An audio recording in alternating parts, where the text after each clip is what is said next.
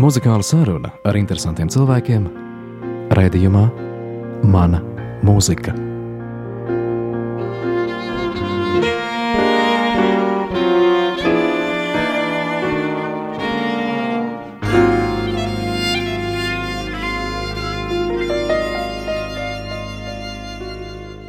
Man liels prieks klasikas studijā sveicināt diriģentu Imantu Resni, redzījumā, kura nosaukums vedina jautāt, vai jums nāk uzreiz prātā skanējumi, skandarbi, par kuriem jūs sakāt mana mūzika. Ja es būtu komponists, tad es varētu teikt mana mūzika. Tā mūzika, ko uzrakstījuši citi, varbūt vai nu man mīļa mūzika, vai tāda, ko es pats vismaz domāju, ka man viņa sanāk. Mana mūzika tā nevar būt. Ja es būtu komponists, tad es zinātu atbildēt uzreiz. Nu, mana mūzika man ir pati mīļākā, pati labākā, jo tā ir mana. Es jau tikai esmu tāds reproduktors tam, ko saka autors. Bet jūs esat arī klausītājs. Jā, un klausītājs es esmu slikts. Kāpēc? Tāpēc, ka nu jau vairs nav nekāda cerība tikt vaļā no profesionālā kretīnisma.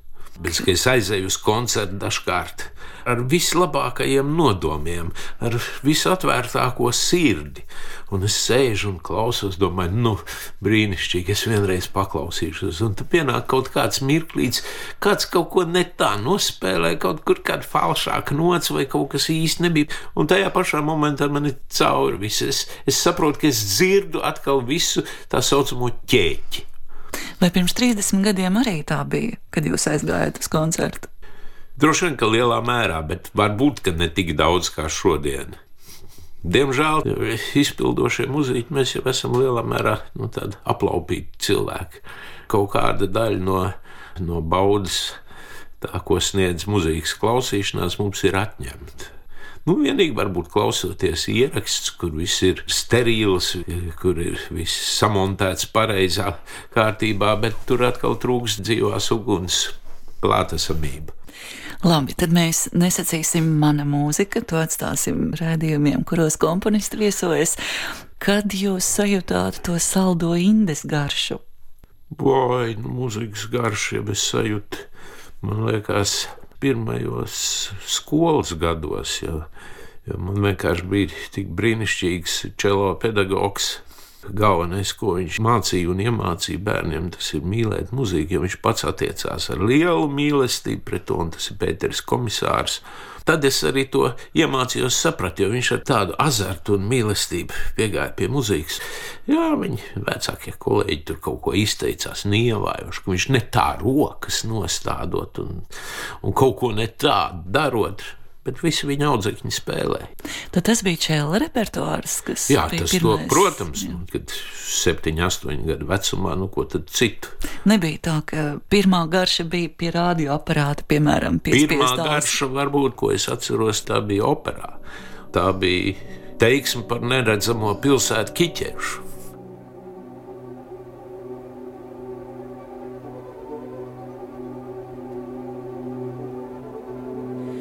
Slavinājums dabai no šīs Rīmska Korsakova operas un 84. gada ierakstā Latvijas Nacionālais simfoniskais orķestris ar diriģentu Rihārdu Glāzupu.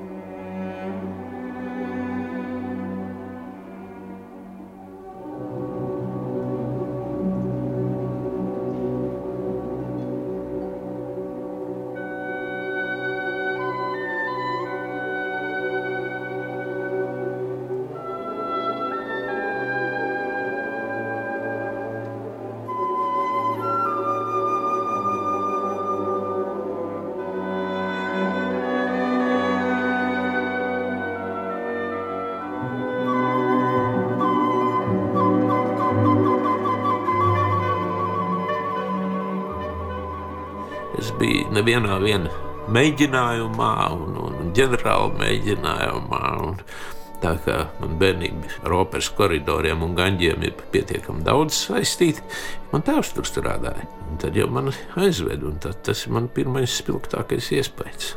Es vēl šodien redzu, es redzu kā izskatījās skatuve, es redzu Arthuru Frīnbergu. Tas man iespaidoja dziļi un pamatīgi. Vēlāk Salome uz mani neatstāja tik lielu iespaidu, jo laikam man to brīdi vēl Rihards Strauss muzika šķita pa sarežģītu. Tēvs gan stāstīja, kāda tur skaistuma ir iekšā un tā tālāk, bet tā priekšspēle man labāk patika. Jo tolaik pirms Salomas uvertīras vietā skanēja eh, Donžons. Nospēlēju orķestras Donžonu un tad sekoja Saloma. Operu mūziku īpaši izdalītu it kā negribētos no visa mūzikas klāsta, un tomēr cik daudz jums ir nācies to diriģēt, un cik liela interese jums ir par to? Nu, nav jau man bijis to iespēju ļoti daudz to darīt, līdz ar to tas mans nosacītais repertuārs milzīgi plašs nav. Protams, arī ar dziedātājiem ir spēlēts tādos un šādos koncertos, ah, un Lietuvā pat ir disks ierakstīts Cita starpā jāsaka, ka tas dziedātājs šobrīd dzied divreiz labāk nekā tajā brīdī, kad mēs ierakstījām. Viņš ļoti progresē. Un... Vēl Lietuvā viņš dzied? Ar vienu kāju jau.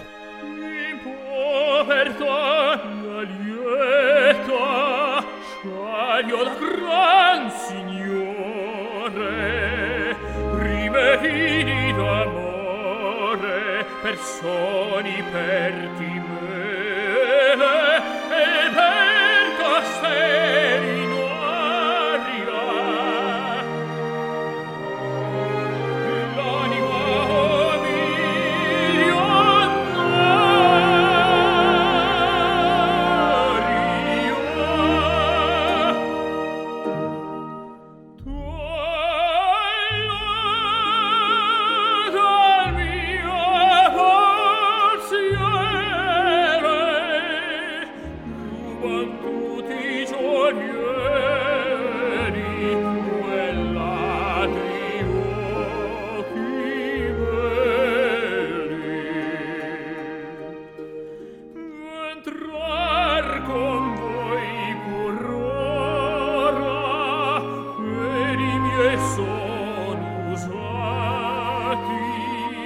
Hey!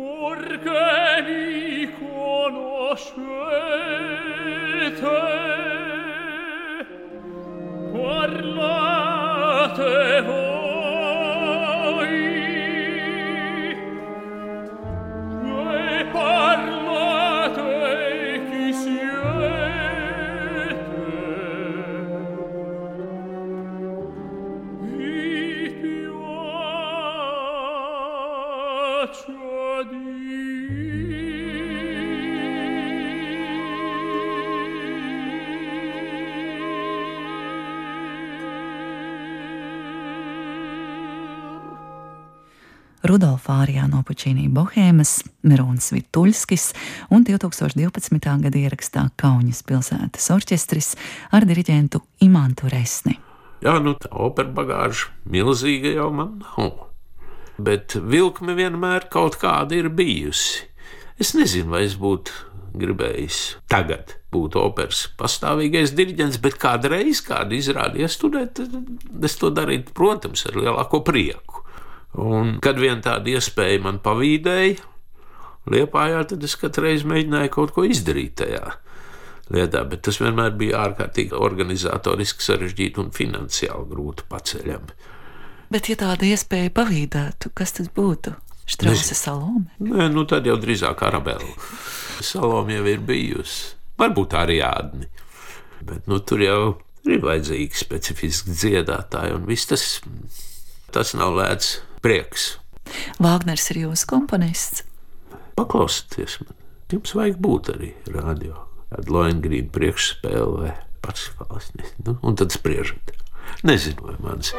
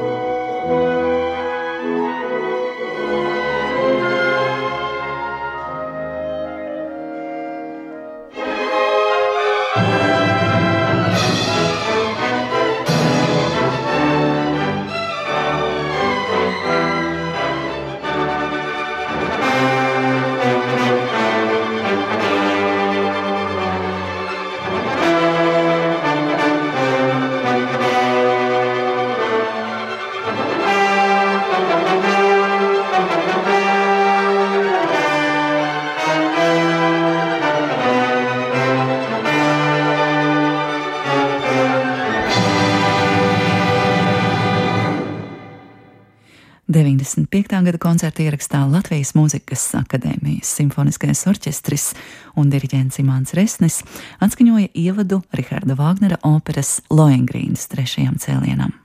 Vai es veselu Vāgneru operu gribētu, es nezinu. Es vienkārši neesmu par to domājis. Man nekad nav bijusi tāda iespēja, un līdz ar to es arī par to vienkārši nedomāju. Izslēdz ārā. Dieva mīkreslis, nu jā, sēru maršu un beidzamās 20 minūtes Tas ir absolūti ģeniāla mūzika. Vienkārši dievīga. Bet visu to operu kopumā es teiktu, ka tur ir pietiekami daudz garlaicīgu epizodu. Mēs tiekamies ar diriģentu un reizi čelistu Imantu Resni.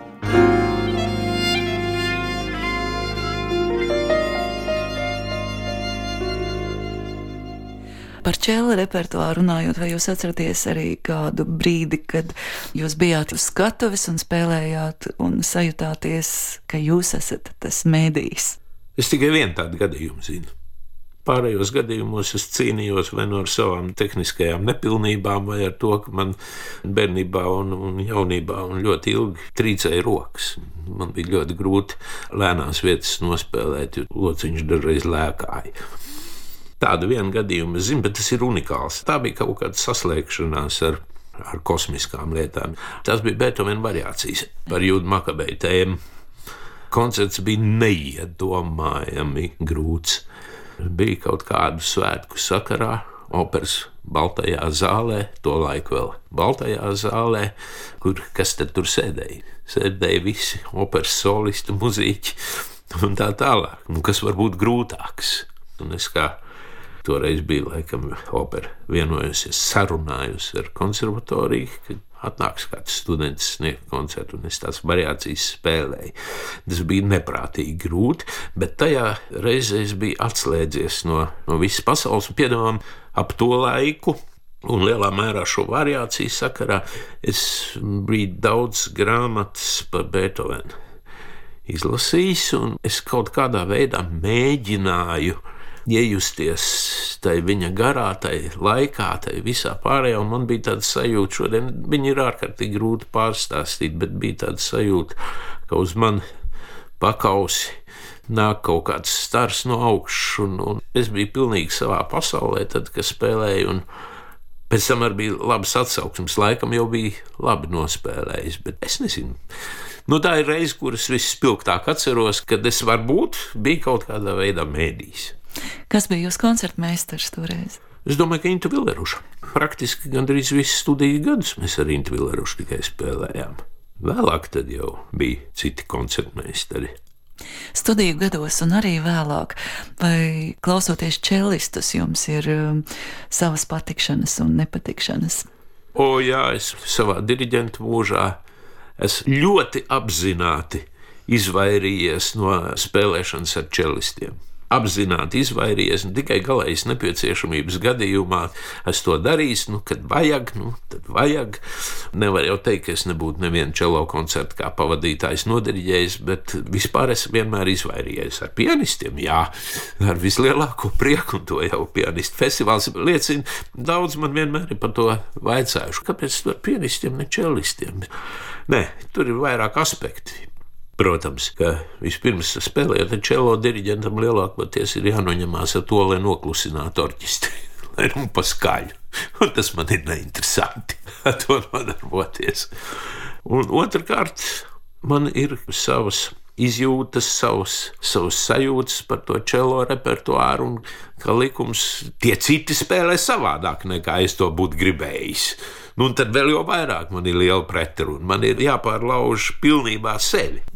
Nu tā. Bet kur ir tie čelisti, kuri jums ir patikuši vienmēr vai kādu brīdi? Pieklājīgi jau būtu, laikam, teikt, Kazals un Rastropovičs. Jā, nu, Rastropovičs tā īsti viņa ziedlaikos es dzīvajā nedzirdēju. Es jau dzirdēju, tad jau, kad viņš vairs nebija ziedlaikos, un tad nevarētu teikt, ka man ļoti patika. Tas ir grēcīgi un ķecerīgi, ko es saku. Bet toties man ārkārtīgi spilgts iespējas bija no tā, kad Rīgā viesojas orķestra de Paris un Pols Torteļie spēlēja Sensāns koncertu. Nu, tas, bija, tas bija fantastiski, ar tādu neiedomājamu vieglumu, ar kaut ko tādu īpašu. Tas bija patiešām īpašs piedzīvojums.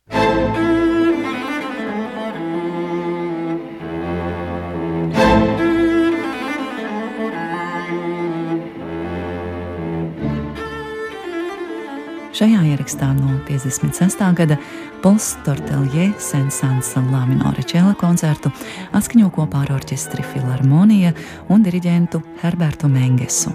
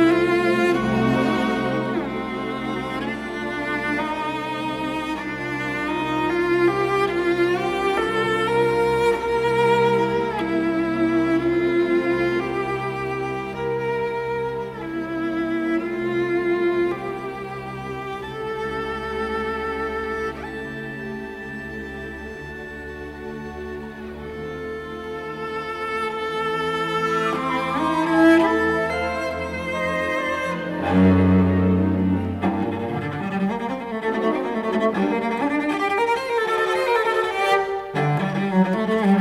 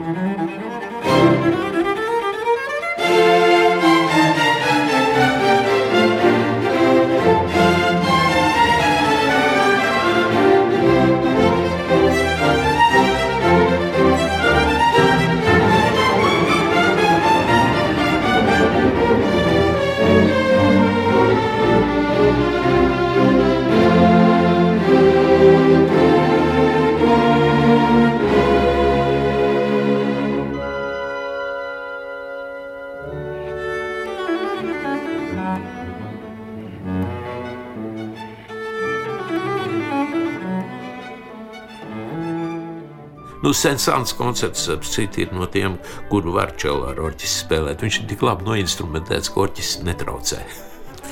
Vai jūs arī eh, piekrītat uzskatam, ka, lai labi skanētu orķestris, iekšienē mūziķiem ir jāspēlē kameru mūzika šad un tad? Jā, pilnīgi noteikti. Nevis šad un tad, bet regulāri. Tā ir pilnīgi cits sajūta, un, un, un tas pieradina klausīties partnerus, klausīties un sadzirdēt. Klausīties jau var, bet jāsadzird vēl ir. Tā kā, protams, es domāju, ka es esmu diezgan daudz spēlējis, un vēlāk saviem studentiem devusi kvartetu klasē. Es kādu brīdi biju kvartetu klases vadītājs, vienmēr devu latviešu mūziku spēlēt.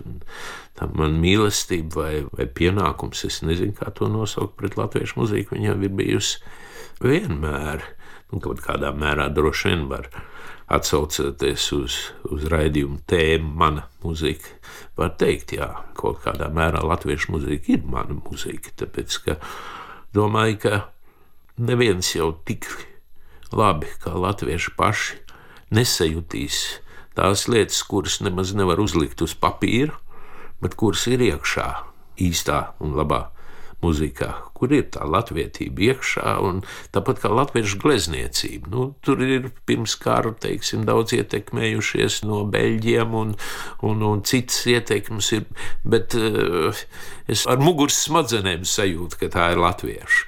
Man nevajag redzēt autoru, es varu uzreiz neatpazīt, bet es tik un tā sajūtīšu, ka tā ir latviešu mūzika. Un, un glezniecība, mūzika, un tas jau ir tas svarīgākais - būt internacionālam un tai pašā laikā nacionālam.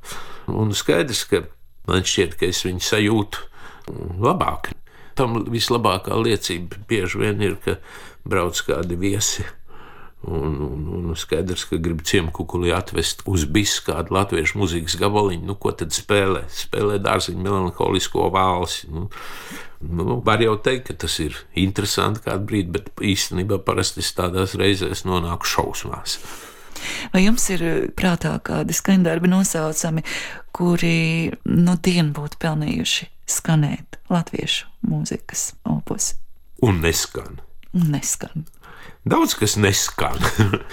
Īstenībā nemaz jau nav, nav tā, ka, ka orķestru koncertu programmas būtu piesātinātas ar latviešu mūziku.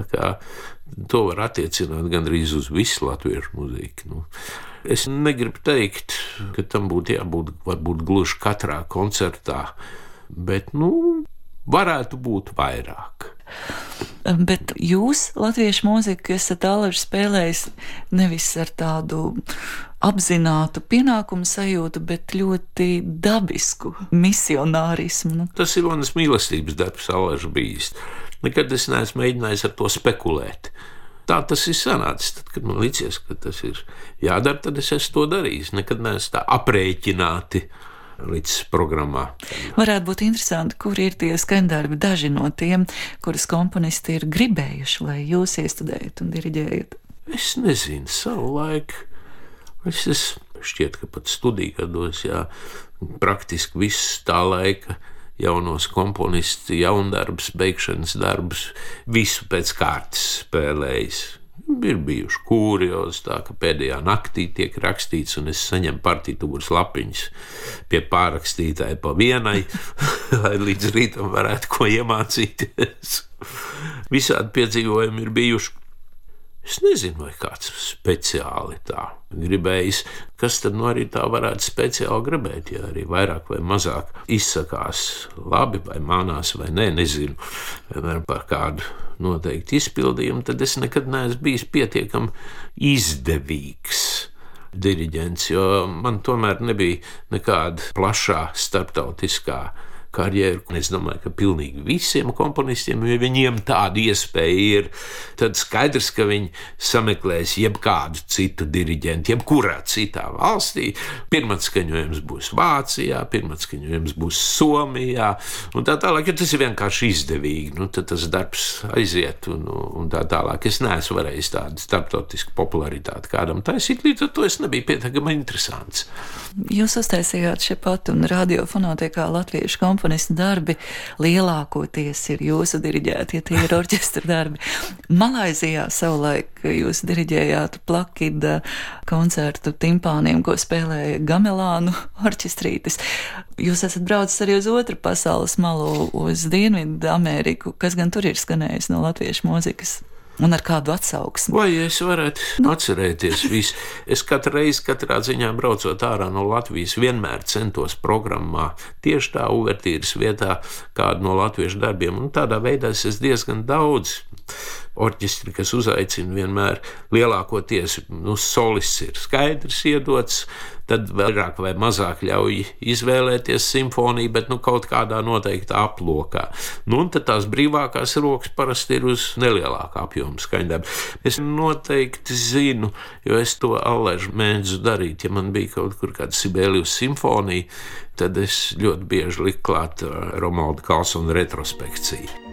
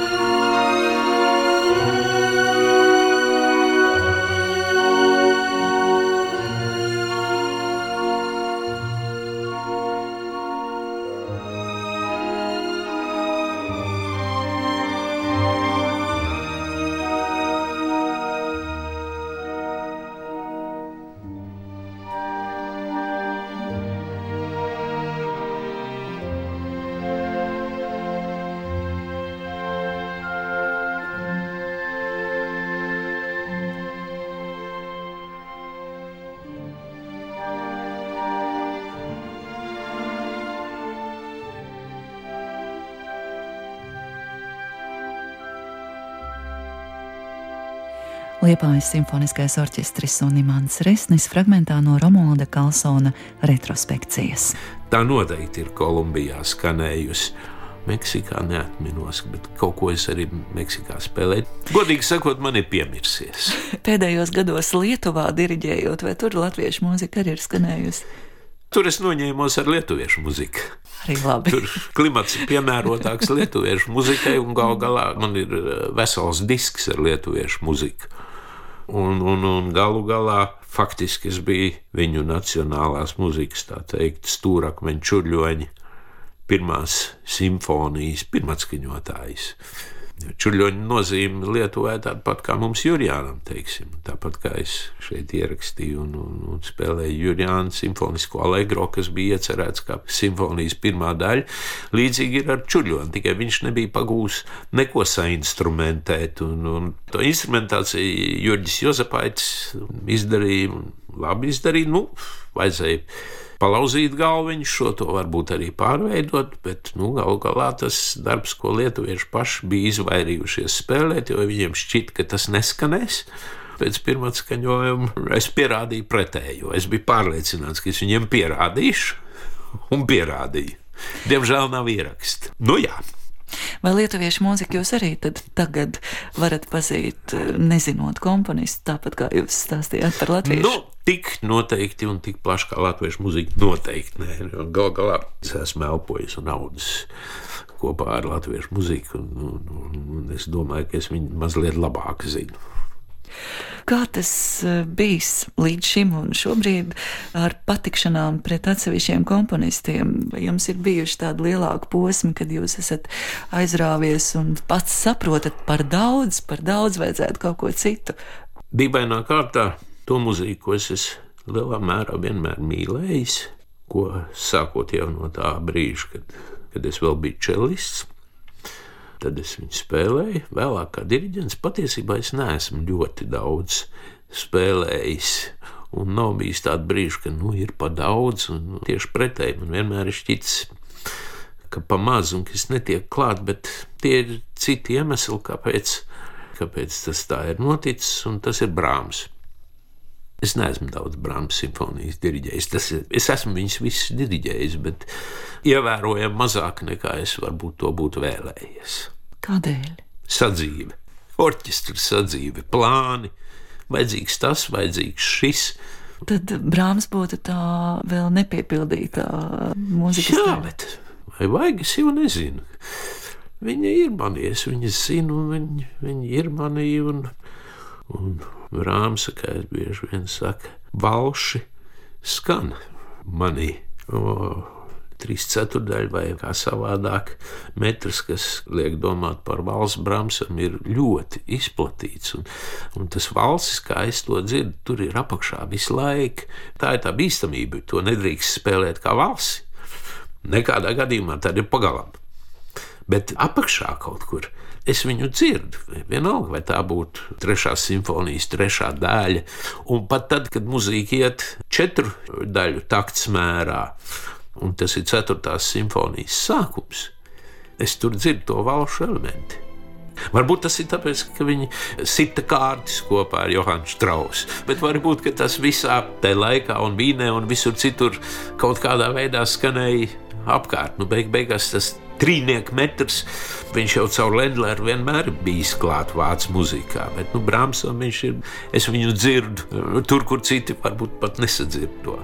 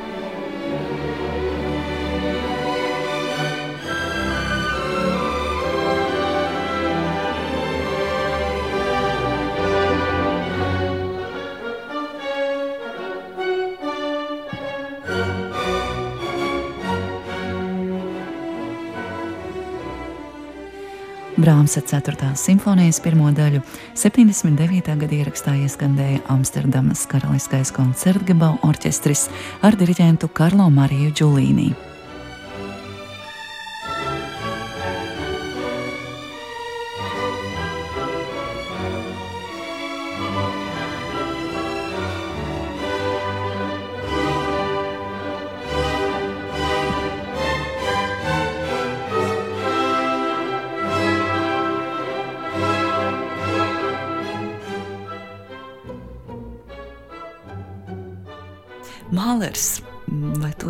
Diriģējāt eh, vienu pēc otra, vai tā bija uzreiz tāda milzīga patikšana pret visu?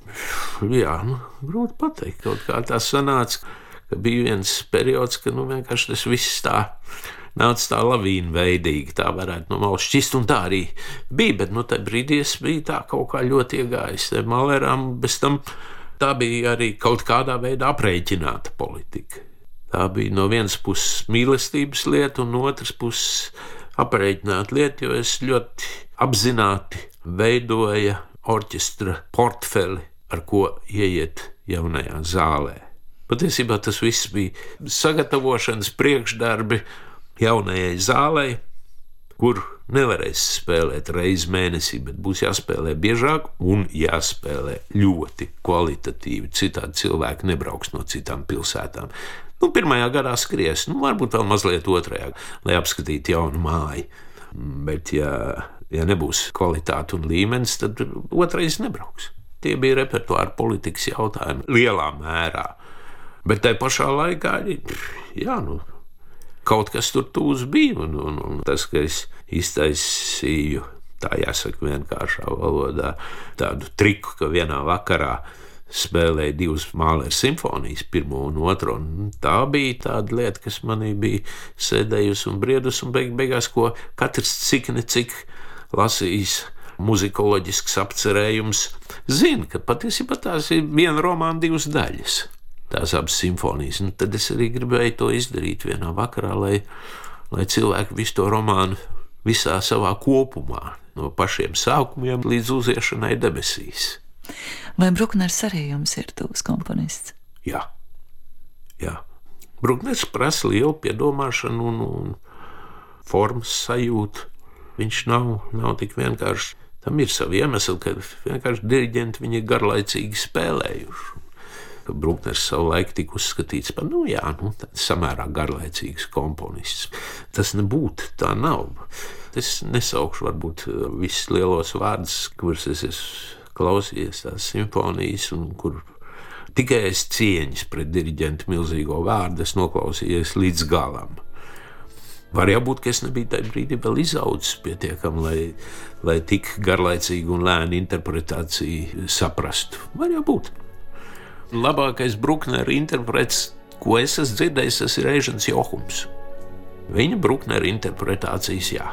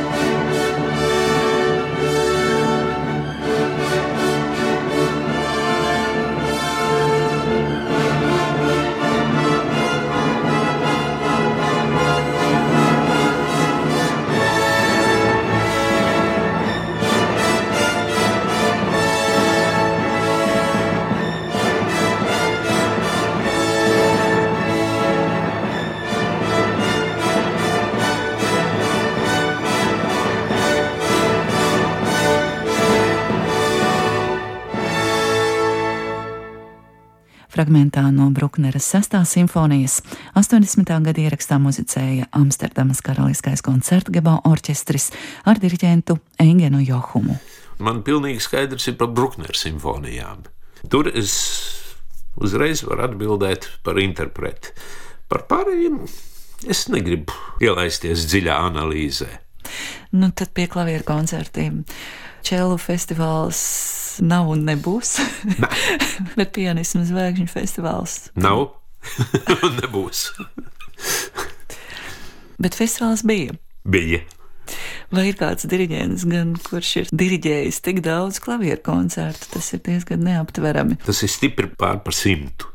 Dažādi nosaukumi un dažādi pianisti arī. Un programmu veidojot eh, Liepājas zvaigžņu svētkiem, man liekas, ka jūs esat meklējis, kas vēl nav bijis. Jā, vispirms, ja pianisti sāk runāt, tad viņi visi apmēram vienu un to pašu, trīs, četrus koncertus. Čekovskis, Rahmanovs, divi, Beethoven, trešais. Tie tie, ko viņi visi uzreiz piedāvā. Un tad pa pārējo ir jāsāk ar viņiem runāt. Jā, nu, Es meklēju, lai publikai būtu interesanti, un lai kaut kādā ziņā arī man pašam būtu interesanti. Jebkurā gadījumā es centos vienmēr izvairīties, lai vismaz divus gadus pēc kārtas neskan viens un tas pats klavieru koncerts. Kaut gan droši vien, ka gadījās arī es tagad tik precīzi neatceros. Es zinu, ka es pats kādreiz uzliku sev milzīgu slodzi, un orķestrim arī milzīgu slodzi, bet uh, man tas šķiet interesanti. Tā bija piemēra pēc reizes, kad mēs vienā vakarā spēlējām visus trīs Čekovska klavieru koncertus. Tas nav vienkārši. Otrais nav vieglāks par pirmo, un garuma ziņā varbūt pat garāks. Vēl ir nu, trešais, ir mazliet īsāk. Tā, tā ir liela slodze kopumā, bet Tas bija interesanti, un man šķiet, ka arī publikai tas varēja būt interesanti.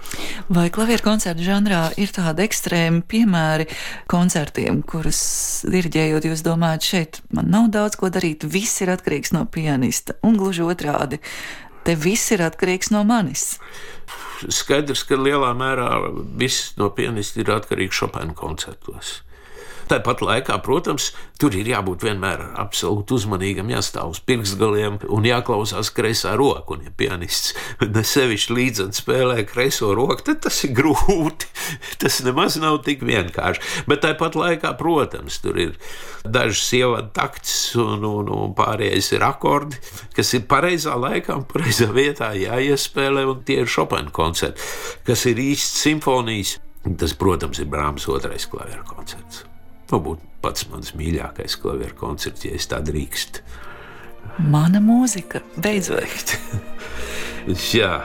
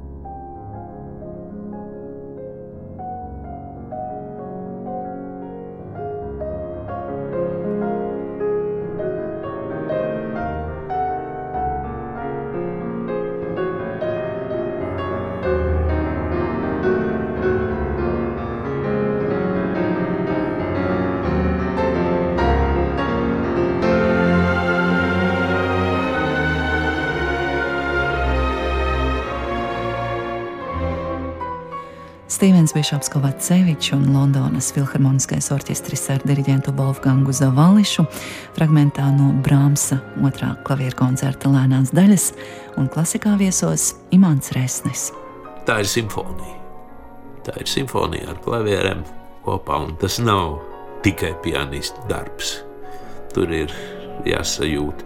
Viens savs sapnis, protams, attiecībā uz otro koncertu nesmu realizējis, un, diemžēl, diez vai es būtu gribējis vēlreiz un citā kapacitātē viņu nospēlēt ar, Grigoriju Sokolovu, kurš ir viens no labākajiem pianistiem pasaulē šobrīd, manuprāt, un kurš lieliski spēlē Brāmas otro koncertu, ar kuru es esmu spēlējis, bet kā čelists, lēnajā daļā, to lielo zolo, to es esmu spēlējis. Līdz ar to es varu teikt, ka kaut kādā veidā Es esmu ar viņu spēlējis kopā, bet es gribēju kā diriģents to kādreiz izdarīt. Tas mans sapnis. Mēs mēģinājām viņu uzaicināt. Viņš atteica kā iemeslu minot to, ka viņš drīkst spēlēt. Nu, tas ir pilnīgi normāli. Viņam ir līgums tikai uz Steinvei. Un tobrīd mums nebija pieejams Steinveis. Līdz ar to Sokolovs nevarēja atbraukt. Vēl jau tagad Steinveis nav. Cik drakoniski. Jā, nu, tie ir līgumi ar firmām. Ja viņš ir Steinveis seja, tad viņam ir tur savas priekšrocības un visādi savādāk atvieglojumi, bet nu, viņš tad nedrīkst pārkāpt tos līgumus. Labi, ka jums nav līguma ar Latvijas finieri, ka drīkst tik uz tāda podesta stāvēt. Jā, tas nebūtu tas sliktākais. Pašmāja ražojums. Vai jums ir vēl čēlis mājās? Ne. Un vai nav vilkme kaut kur? Sen jau nav. Paspēlēt. Vienu brīdi bija, bet tagad nevar. Nu, es vairs nevaru. Tas ir galīgi skaidrs. Nav pirksos muskulatūras. Tas nav iespējams. Bet mēs paklausīsimies gan, kā jūs spēlējāt. Ko jūs gribētu, lai mēs paklausītos? Es domāju, ka pats labākais mans ieraksts ir mans pēdējais ieraksts, pēc kura aizejot mājās, noliku instrumentu kaktā, paklanījos, pateicu viņam paldies, un no tās dienas pārstāju spēlēt. Un ieraksts notika šeit, rādio? Jā, tā ir Rahmaņovs sonā. 87. gada jūnijas man šķiet. To es tā kā atceros. Lēmums bija pieņemts pirms tam? Jā, jā. es zināju, ka, ka tas ir mans pēdējais darbs, un ar to es arī pabeidzu. Kā tāds mājās un pateicu instrumentam paldies! Thank you.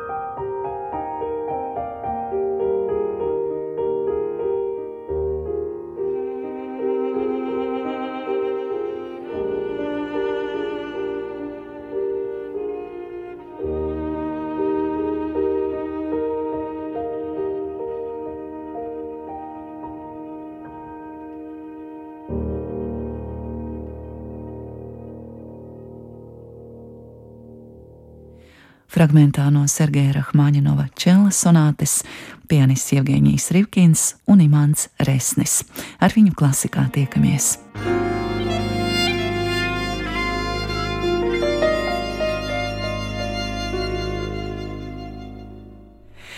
Ja mēs varētu vēl paspērt dažus soļus ārpus jau iezīmētās teritorijas, pieņemot, ka ir ļoti daudz labas mūzikas arī citos žanros, džeksa, popmūzikā, lai vēl vis kaut kur. Vai jūs mēdzat ko tādu klausīties? Kāpēc? Kas tas varētu būt? Oskars Petersons.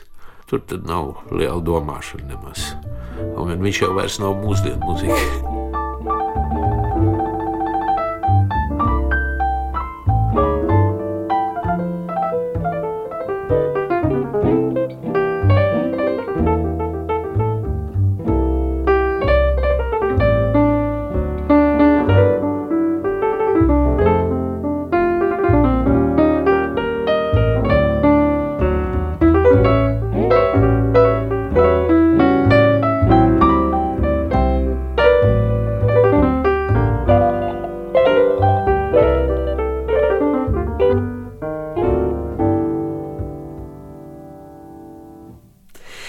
Pianistu ir ārkārtīgi daudz, un cik gan daudz viņi nav bijis Liepājas zvaigžņu festivālā, un visi ir jūsu aicināti, tā tad labi. Bet vai ir tādi viņu vidū, kurus jums ir visu laiku aizvien interesanti klausīties? Lācars Bermans, kurš vairs nav, protams, un nekad nevar aizmirst viņa uz bis spēlēto Erlköni, mežķieniņu.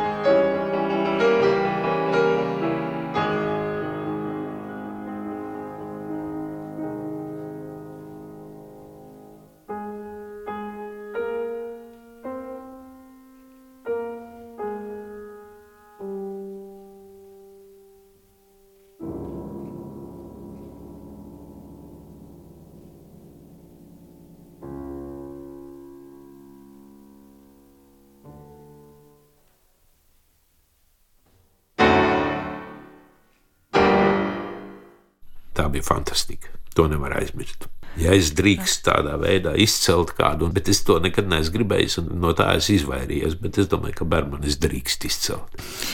Nu, kāds mums bija jāizceļ, un kādi bija jāizceļ, lai mums būtu šodien ko klausīties? Kā jums šķiet, diriģējis, esat daudz un koncertu zāles gana pilnas arī piedzīvojis.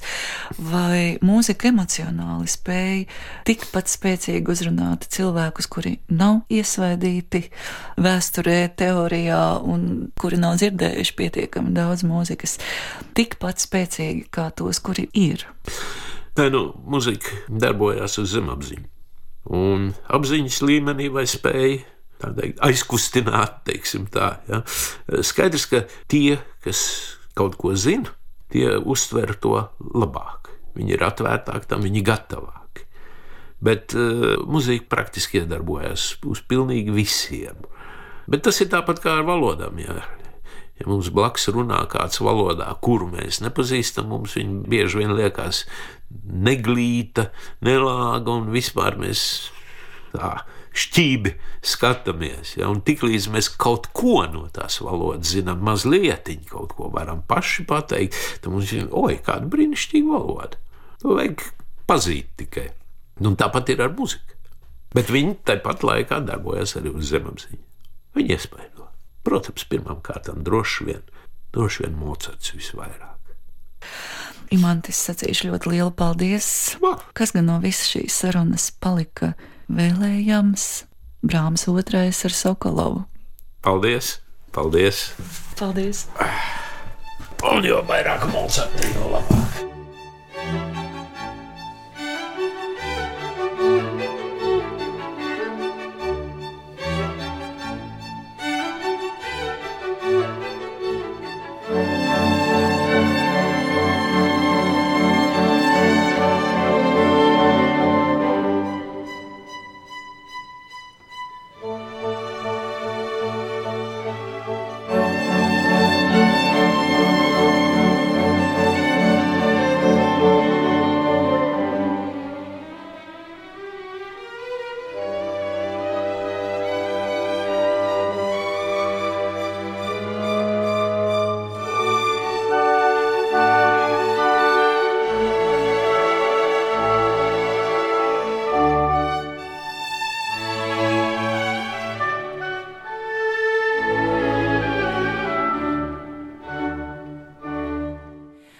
Ar fragmentu no Mocarta 35. Hafneras simfonijas Imanta Rešņa atskaņotas koncertā 2005. gadā kopā ar Līpājas simfonisko orķestri ir izskanējis raidījums Mana mūzika.